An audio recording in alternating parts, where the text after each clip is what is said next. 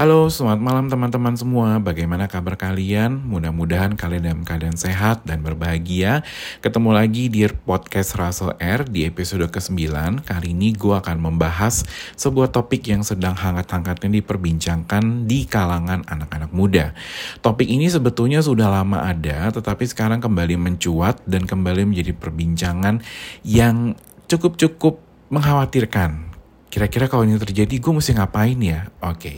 malam ini gue akan bahas tentang quarter life crisis atau krisis paruh baya. Well, sebetulnya paruh baya itu apa sih? Nah, paruh baya di sini itu adalah usia ke, kurang lebih di rentang usia 25 tahun atau kurang lebih seperempat abad lah istilahnya gitu ya.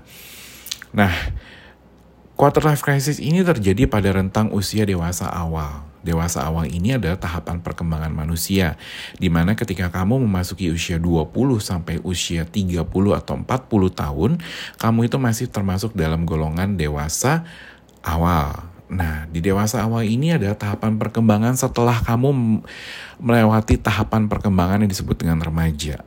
Nah biasanya di usia dewasa awal ini atau usia 20 tahunan ini, seseorang ini sedang menjalani tahap akhir dari program studi mereka di perguruan tinggi. Atau bahkan ada juga mereka yang sudah lulus dari perguruan tinggi dan mereka sedang bersiap memasuki fase dewasa awal. Di mana di fase dewasa, tugas perkembangan yang harus dipenuhi adalah kamu harus menjadi mandiri. Mandiri dalam kehidupan, mandiri secara finansial, mampu mengurus diri sendiri, mampu uh, berdiri di atas pendapatan sendiri dan mampu menentukan arah hidup kamu mau ke mana. Nah, quarter life crisis ini tuh umumnya gejala yang dirasakan itu adalah khawatir, cemas, tidak tahu arah, dan tujuan hidup ke depannya. Nah, kalau mungkin teman-teman pernah dengar sebuah lagu, uh, salah satu syairnya bilang takut tambah dewasa takut menjadi dewasa. Nah, memang betul sih, menjadi dewasa itu adalah sebuah hal yang butuh persiapan dan butuh kekuatan mental untuk melewatinya. Buat teman-teman yang dengar ini yang sudah masuk tahapan dewasa, pasti teman-teman tahu bagaimana rasanya menjadi dewasa. Bagaimana rasanya menjadi mandiri. Semua harus diurus sendiri. Semua harus dirasakan sendiri. Pahit, manis, suka, duka, semua harus dirasakan sendiri. Ngerasain capek, nyari uang, itu dirasakan sendiri dan lain-lain sebagainya. Nah, ada sebuah istilah yang disebut dengan emerging adulthood.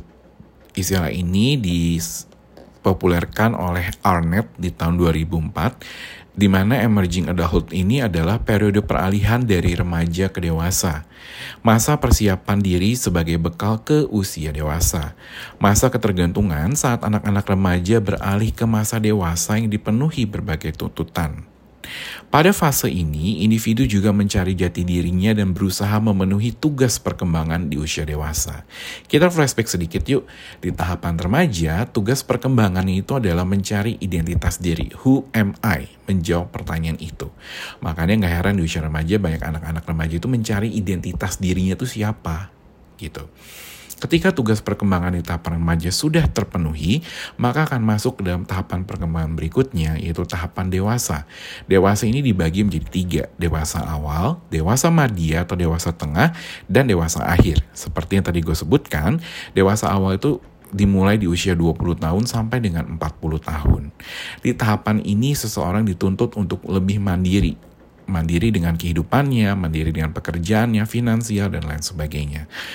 Nah, Berbagai tuntutan perkembangan di usia dewasa awal inilah yang menyebabkan banyaknya anak-anak yang baru selesai menyelesaikan tugas perkembangan tahapan remaja itu menjadi kaget. Mereka khawatir, bisa nggak ya gue memenuhi tugas dan tanggung jawab tuntutan dari usia dewasa awal ini?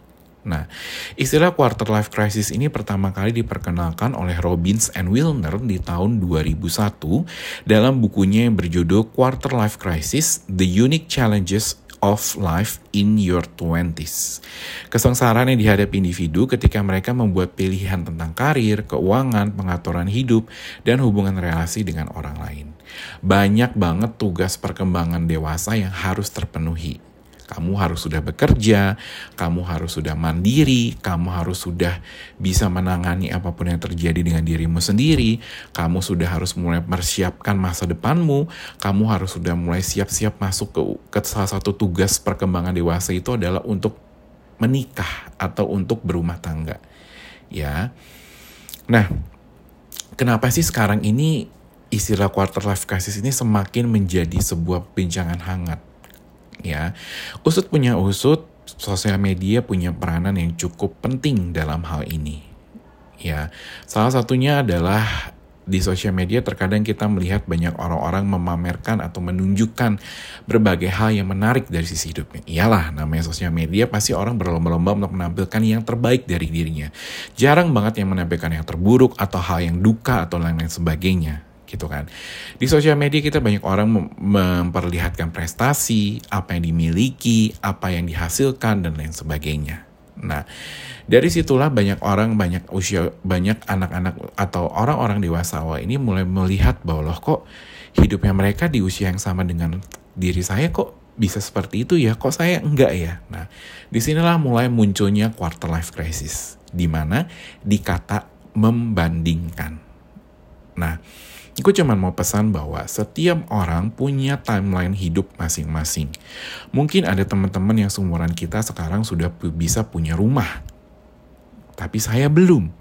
Mungkin juga ada orang lain yang seumuran dengan kita di usia sekarang ini mereka sudah bisa lulus S2 atau sedang lanjut S3.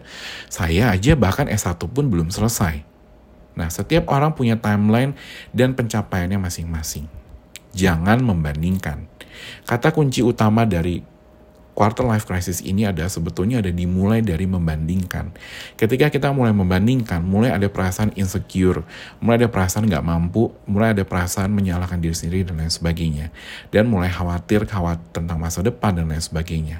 Nah, di sinilah pentingnya ada beberapa hal yang bisa kita lakukan untuk meminimalisir munculnya quarter life crisis. Yang pertama adalah tidak membandingkan kehidupan sendiri dengan kehidupan orang lain. Semua ada waktunya. Ada waktunya setiap orang untuk menjadi sukses. Ada waktunya untuk setiap orang mewujudkan mimpi dan cita-citanya. Yang kedua, jadikan media sosial sebagai ajang pembelajaran, bukan malah membuat diri kita insecure dengan apa yang ditampilkan orang lain. Ingat, media sosial itu sifatnya adalah pencitraan ya kan? Jadi semua hal yang baik pasti ditampilkan. Yang ketiga, carilah kegiatan yang mengembangkan bakat dan potensi dirimu. Daripada insecure, lebih baik develop your skill. Misal, kemampuan komunikasi, kemampuan digital marketing, Microsoft Office, kemampuan berbicara depan umum, dan lain sebagainya di mana kemampuan-kemampuan tersebut itu nanti akan mendukung kamu dalam dunia kerja. Baik kamu dunia kerja di kantoran atau korporat ataupun dunia kerja di luar non-korporat. Kalau kamu belum merasa, kalau kamu merasa bahwa kamu belum menemukan potensi dirimu, kamu bisa menghubungi tenaga ahli seperti psikolog untuk mencari, membantu mencari tahu potensi dirimu di mana. Menurut gue pribadi, setiap orang itu terlahir dengan potensi masing-masing yang berbeda. Gue tidak percaya kalau ada orang yang bilang, saya mah gak punya potensi. No. Itu adalah kesalahan besar. Saya pribadi meyakini bahwa setiap orang terlahir dengan potensi yang berbeda-beda. Tinggal bagaimana dia mau menggali atau mengembangkan potensi yang tersebut. Yang keempat, cari hal apa yang menjadi passion atau hal yang benar-benar kamu sukai untuk dilakukan, cita-cita dan hal yang disukai. Karena ini akan membantu kamu untuk clear the path. Mudah-mudahan empat saran ini bisa membantu kamu dalam melewati usia parubaya. Menjadi dewasa itu bukan selamanya menyeramkan. Menjadi dewasa itu menjadi individu yang terus belajar dari kehidupan. Karena sejatinya menjadi dewasa itu adalah belajar dari segala hal yang terjadi dengan kehidupan kita. Belajar dari kegagalan, belajar dari masa lalu, belajar dari rasa sakit, belajar dari rasa kehilangan, dan berbagai pelajaran-pelajaran lain yang hidup berikan ketika kita di usia dewasa.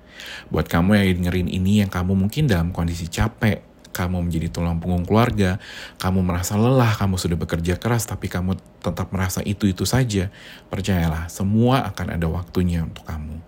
Dan jangan patah semangat karena kita semua sedang melewati tahapan yang akan membentuk diri kita untuk menjadi lebih baik dari ke depannya. Buat kamu yang sudah mengalami quarter life crisis, yuk cari tahu lagi di mana asal mulanya kamu mengalami hal tersebut dan bagaimana caranya kamu untuk mengatasinya.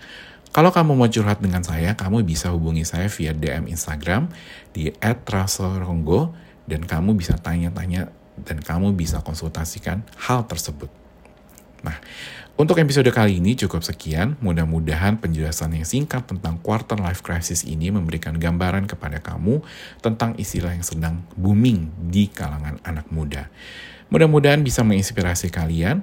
Terima kasih sudah mendengarkan podcast Russell R. Selamat malam, bahagia selalu, dan sehat selalu untuk kalian semua. Bye.